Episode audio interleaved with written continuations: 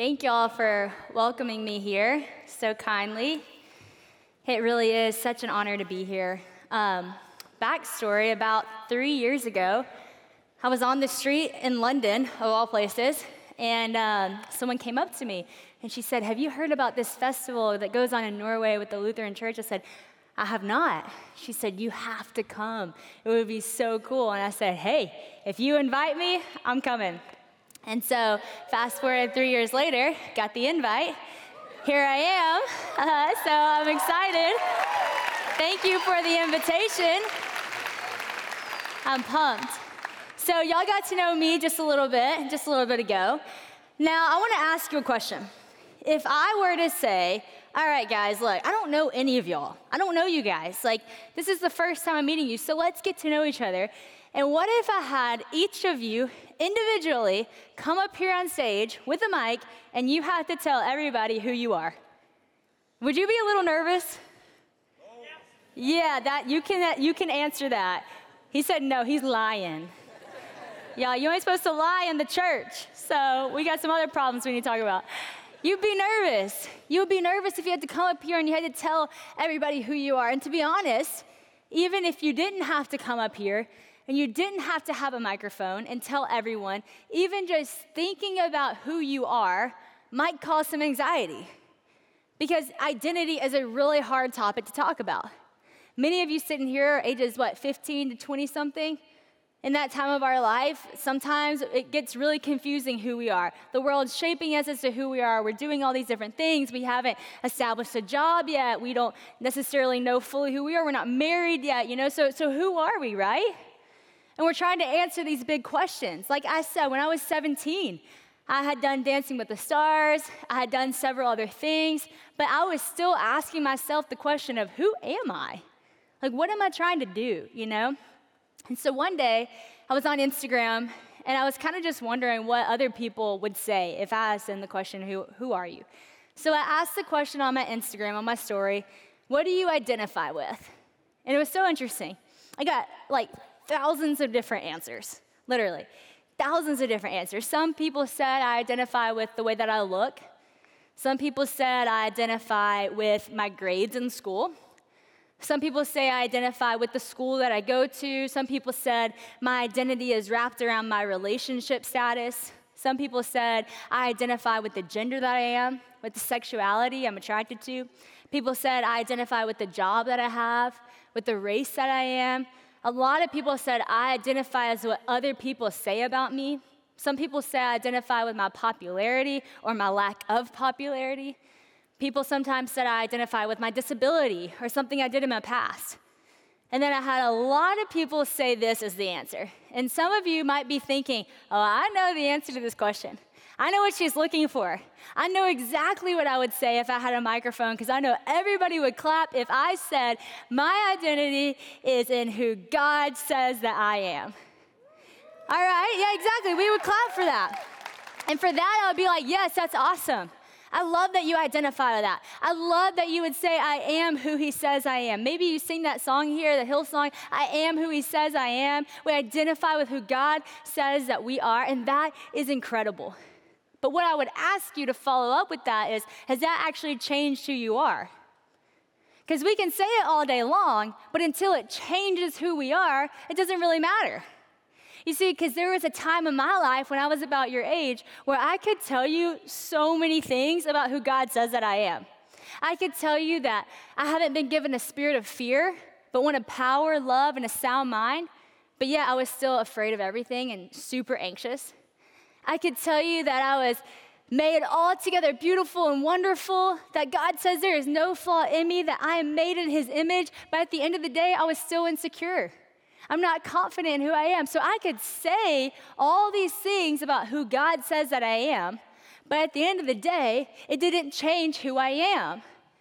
Because honestly, if God is not God to you, then what God says about you won't change who you are. If God is not on the throne of your life, if He's not the priority of your life, then what He says about you isn't going to hold much value in your life. You see, if your relationship status is number one, then that's going to hold the value. if your looks are number one, if your status, if your popularity, if that's more important to you, then that's gonna shape who you are. But if God is God, if God really is the creator of the universe, and if he really is the King of Kings and the Lord of Lords, and if he really did send his son to die for you, if he really is God, and you believe that he is God, and you understand you are his child, that will change everything about the way that you live. Period. You will be confident. You will have peace. You will have joy. You will feel loved. You will feel all these things because it will become true. So, the question tonight that I want to answer is I don't want to answer the question of who are you. I want you to answer the question of who is God to you. In Matthew chapter 16, it's really interesting because Jesus actually straight up asks this question. Basically, he takes his disciples to a place called Caesarea Philippi. And in Caesarea Philippi, the backstory of this place in the Bible is this place was literally called the gates of hell. So Jesus decides to take his disciples to the gates of hell, this terrible part of where they were from. And the reason why it was called the gates of hell is because this was the central gathering place of false worship.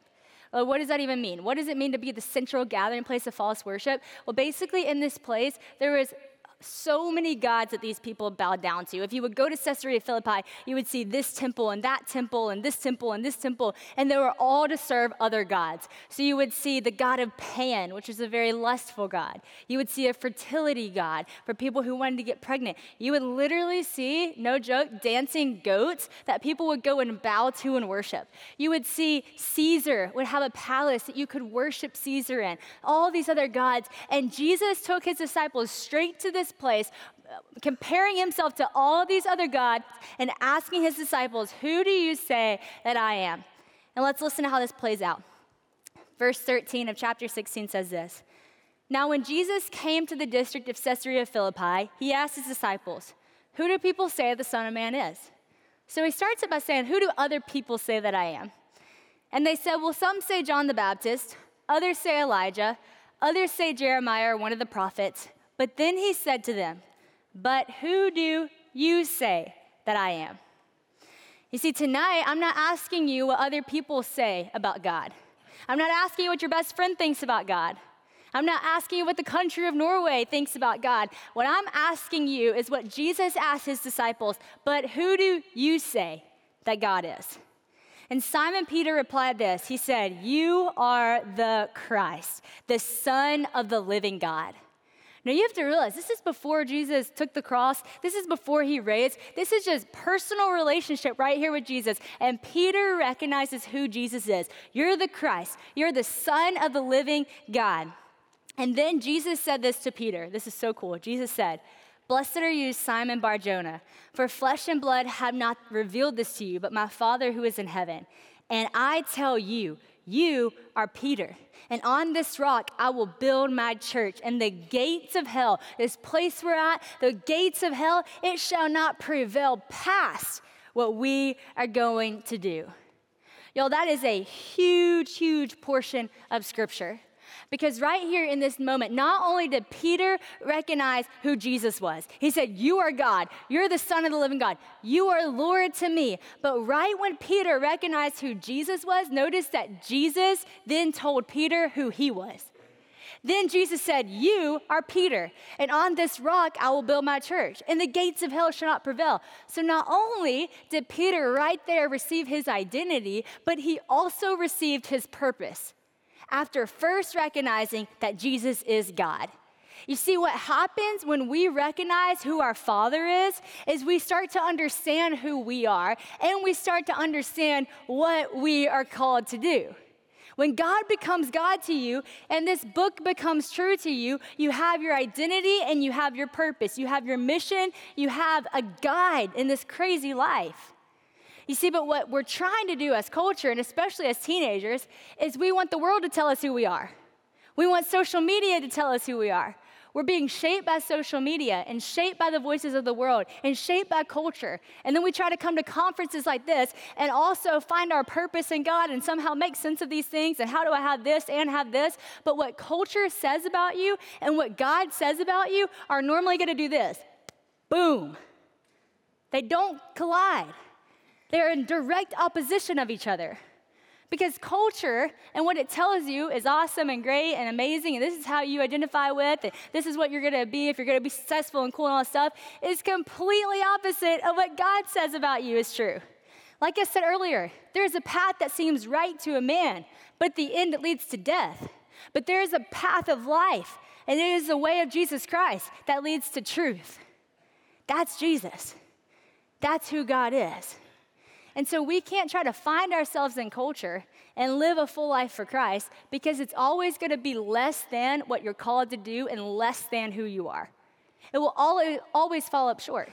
It cannot give you all that you are. Some of you are sitting in here and you're not as anxious about your identity. You're like, oh no, I'm not really anxious about it. I'm just confused by it. Because I'm sitting in here and I want to be found in Christ. Everything I've heard the past few days, are, it's awesome. It sounds good. I want to stand up. I want to raise my hand. I want to say yes. I want that to be true. But the reality is, is I also identify with all these other things in the world. I also kind of want to live this life. I'm young. I have my whole life to live. Like, why can't I also do what culture says? Why can't I also live that way? All these worldly desires I have are very real and very true too. It's kind of like what Paul said. He said, I'm doing what I don't want to do, and I'm not doing what I want to do. There's this conflicted spirit within him. Why? Why is this true? Well, I want to tell you something that just because something is biblical, and just because you're made in the image of God, just because it's biblical doesn't mean it's always going to feel natural. And that's something that you need to realize. One time I was at um, a friend of mine's rehearsal dinner, and a rehearsal dinner is just the night before someone gets married. And the night before someone gets married, a lot of times in our culture, you have this big dinner, and everyone in the family gives speeches, and they kind of bless the marriage and, you know, say how much that person means to them and all these things. And this mom was speaking at it, and you know how moms can be about weddings. I don't know if it's like this here, but in America, they are very boo-hooey, okay? Get a little emotional. My baby's getting married. It's a whole thing. So the night before this wedding, she's all emotional, and she says something so profound in her state of emotion. She says, Son, oh, her son getting married. She says, Son, although nothing about this feels natural, it is extremely biblical. And because this is biblical, it's literally in the Bible, I get to sit here tonight and rejoice that you are getting married. And I love how she said it. This doesn't feel natural to give you away. It's emotional, it's hard, but because it's biblical, I will rejoice. There's a lot of things that are biblical that are not natural. You see, it is biblical that if someone slaps us across the face, we're supposed to turn the other cheek. Now, that does not feel natural. If someone slaps you across the face, you're like, no, but you're called to turn the other cheek. You see, it might feel natural to you to not want to go the extra mile with someone. But Jesus says, man, if a brother asks you to go a mile, go with him another. You see, it is not natural for me to want to forgive someone who's hurt me. What's natural for me is to want to get mad and want to get angry and bitter and say, I'm never talking to this person again. But Jesus says to forgive someone not just once, but 70 times, seven times. You see, it might not feel natural for me to resist sexual immorality.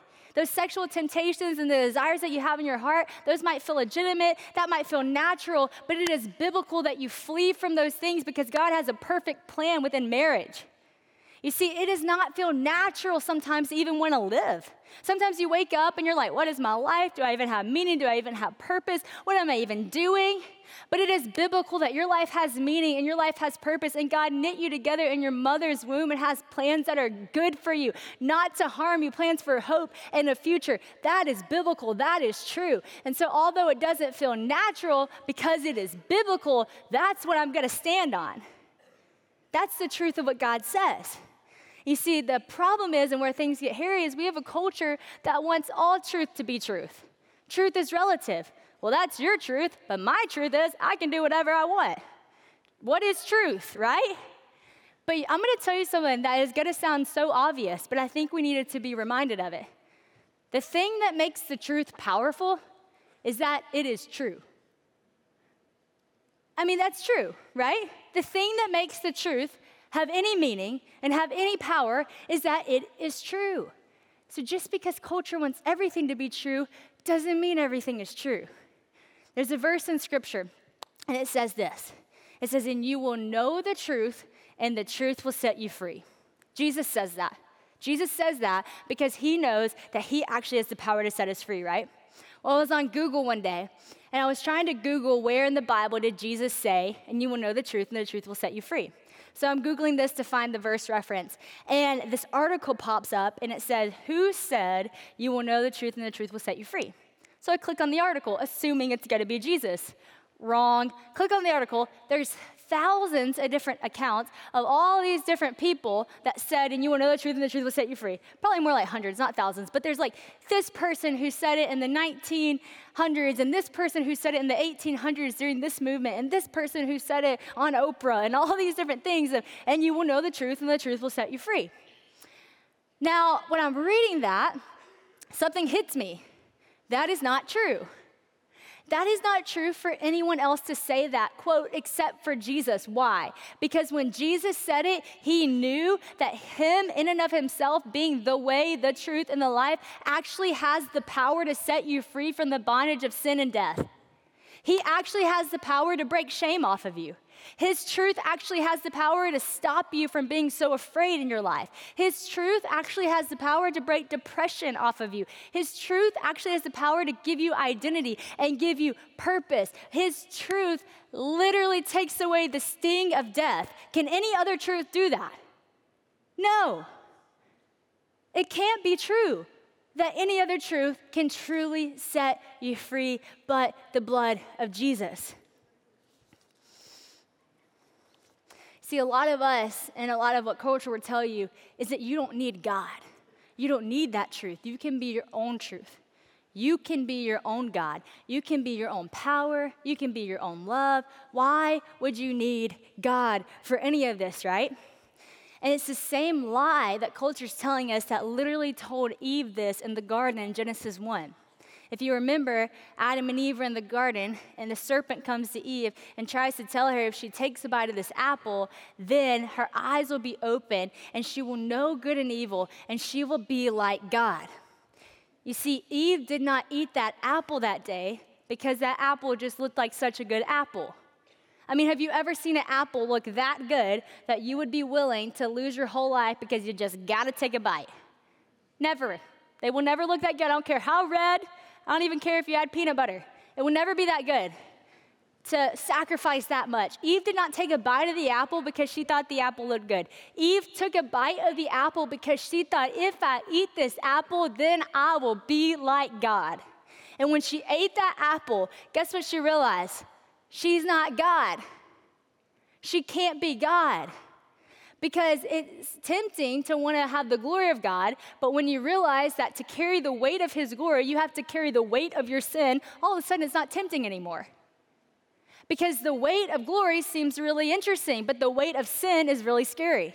The good seems really great, but the and evil is what really stings. And see, to be your own God, you don't only get to carry yourself on the mountaintops, you gotta survive in the valley. So maybe your life will be manageable to be God. Maybe you'll live a okay life. Maybe bad things won't happen to you, and maybe you can get by for some time trying to be your own God. But what do you do when you face death? Then can you be your own God? Then does your truth set you free? See, that's the seriousness, this, friends. We can say we're young all day long, we can say all these things, but the earlier we get this truth, the earlier we get to be the fullness of who we're called to be and who we're created to be. The earlier we get to be the light of the world, the earlier we get to share in the victory of Christ. You see what the word says? It's the same spirit that literally raised Jesus from the dead is alive in you. Is that not crazy to think about? Like that becomes true when this is true to you. When God is God to you, the same spirit that raised Jesus out of the grave is alive in you. When this becomes true to you, you become the light of the world. When you wake up to the reality that you are not God, but you are made in the image of God and you are a child of God, and you let that be enough for you, you're gonna live a very, very full life. And guess what? It doesn't just change your life, it changes everyone's life around you when you realize that. It doesn't just change your life, it changes your country's life. It doesn't just change your country's life, it changes the world. You see, because when Peter realized thousands of years ago that Jesus is God, and then Jesus told Peter that he is Peter, and he, Peter literally means rock, and he said, and on this rock, so on you, Peter, I'm gonna build my church that the gates of hell will not prevail past. And then when Jesus died, was resurrected, sent Peter on a mission, do you realize Peter started the church? And now, 2,000 years later, I am in Norway talking about the church. Do you realize how crazy that is? I'm telling y'all what Peter realized that day 2,000 years ago. I came 28 hours with a one year old to tell you what Peter realized that day. The gates of hell shall not prevail against it. When you get a revelation of who your God is, when you realize you're that person, that's your identity, that's your purpose, the world changes. Period. It's not too big of a thought to think that that is what happens. That is what happens. That's what happens when you realize it. So we got to get out, done with our insecurity. We got to get done with our, we got to realize that we are God's child. Moses had this revelation. God showed up to Moses in a burning bush, called him by name Moses, Moses. Moses is like, Here I am. Now, realize something. Moses was hiding at this time because he had just murdered someone, okay? Bad things were happening. So if you think your life is bad, consider that, okay? Moses was hiding because he killed a man. Moses had all kinds of identity issues. He was adopted. He didn't know his family at the time. He was grown up in a house that wasn't his. All kinds of stuff happening. And God shows up to Moses, and God tells Moses to go back to Egypt and to lead an entire generation out of slavery. Whoa, that's a big call. Go back to where you don't want to go and lead an entire generation out of slavery. And Moses asked the same question that many of you would probably ask God Who am I? Who am I that I could do that? And you know what God said in response to Moses? He didn't sit there and tell Moses how awesome he is. He didn't say, Moses, you are incredible. Do you not know who you are? You are this and you are that and you are awesome and that's why I am here. No, he did not say that. You know what God said?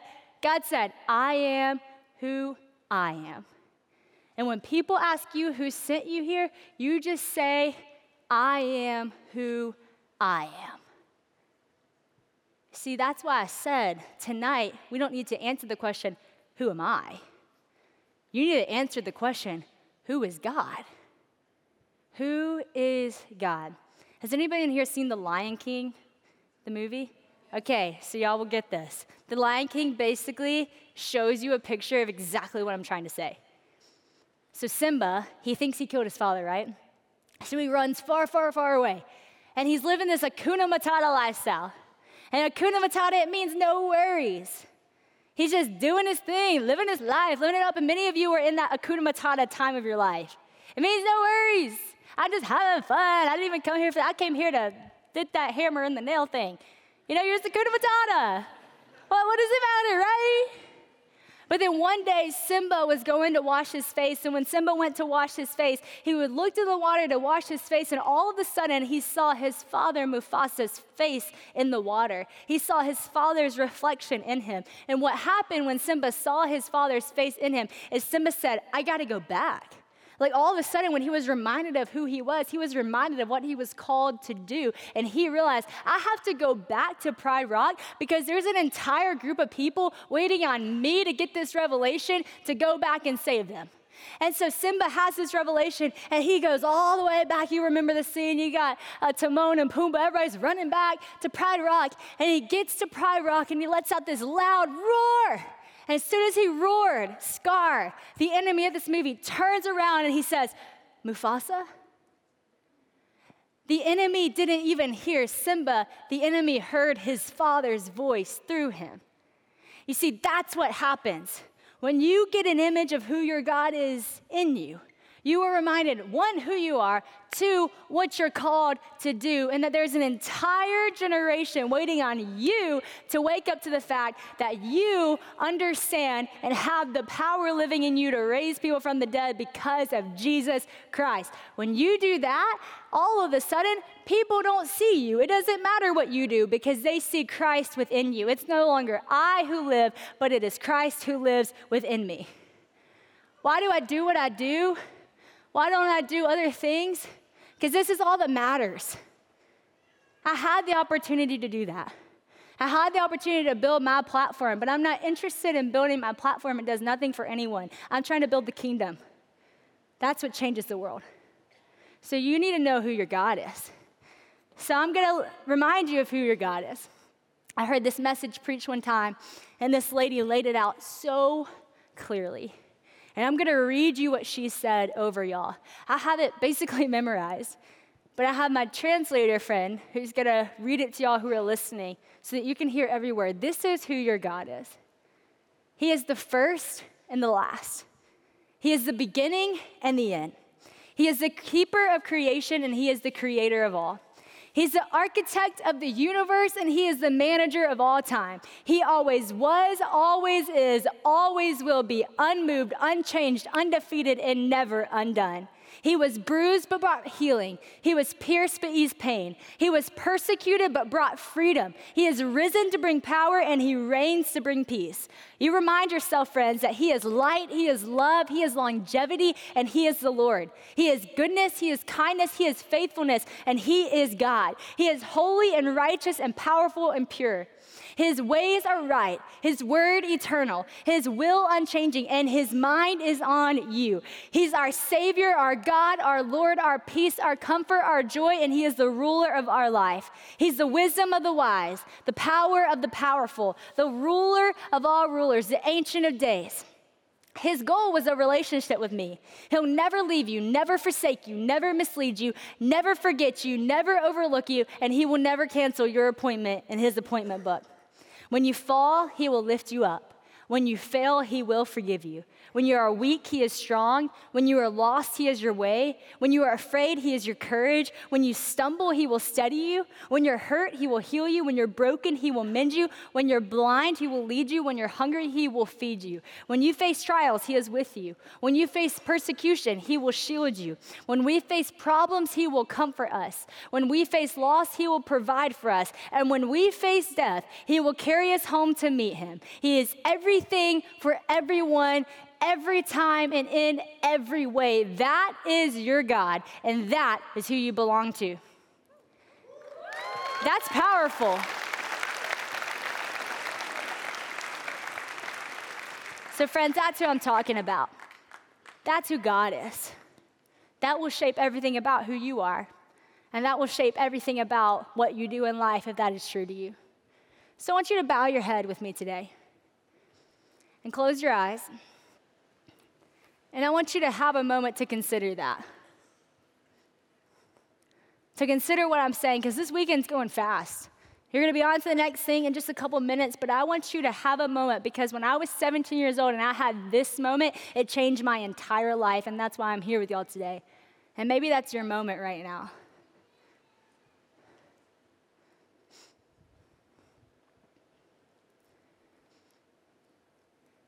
God, I just pray for every person right here in this space.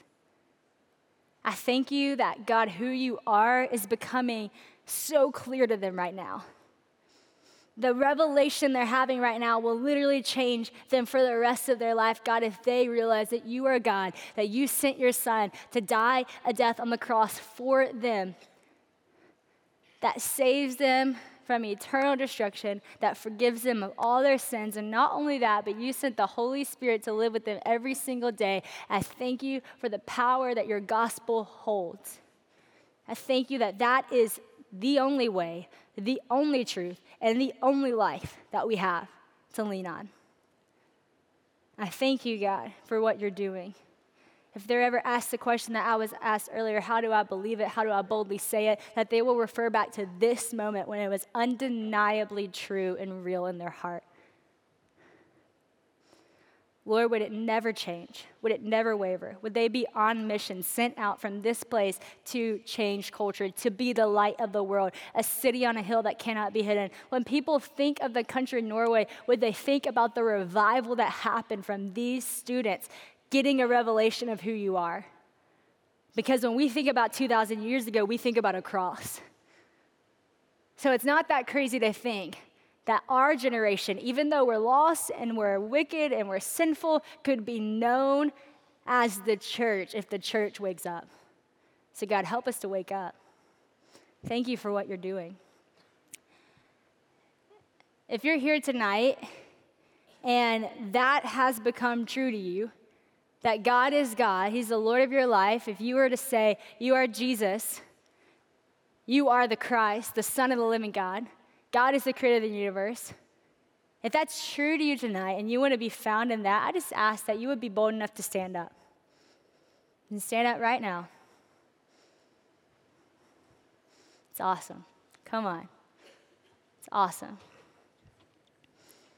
So good. People standing in the back, people standing here. I'll say it one more time. I don't want you to miss your moment. If that's true to you tonight, let's not let fear stop this. Let's not let insecurity stop this.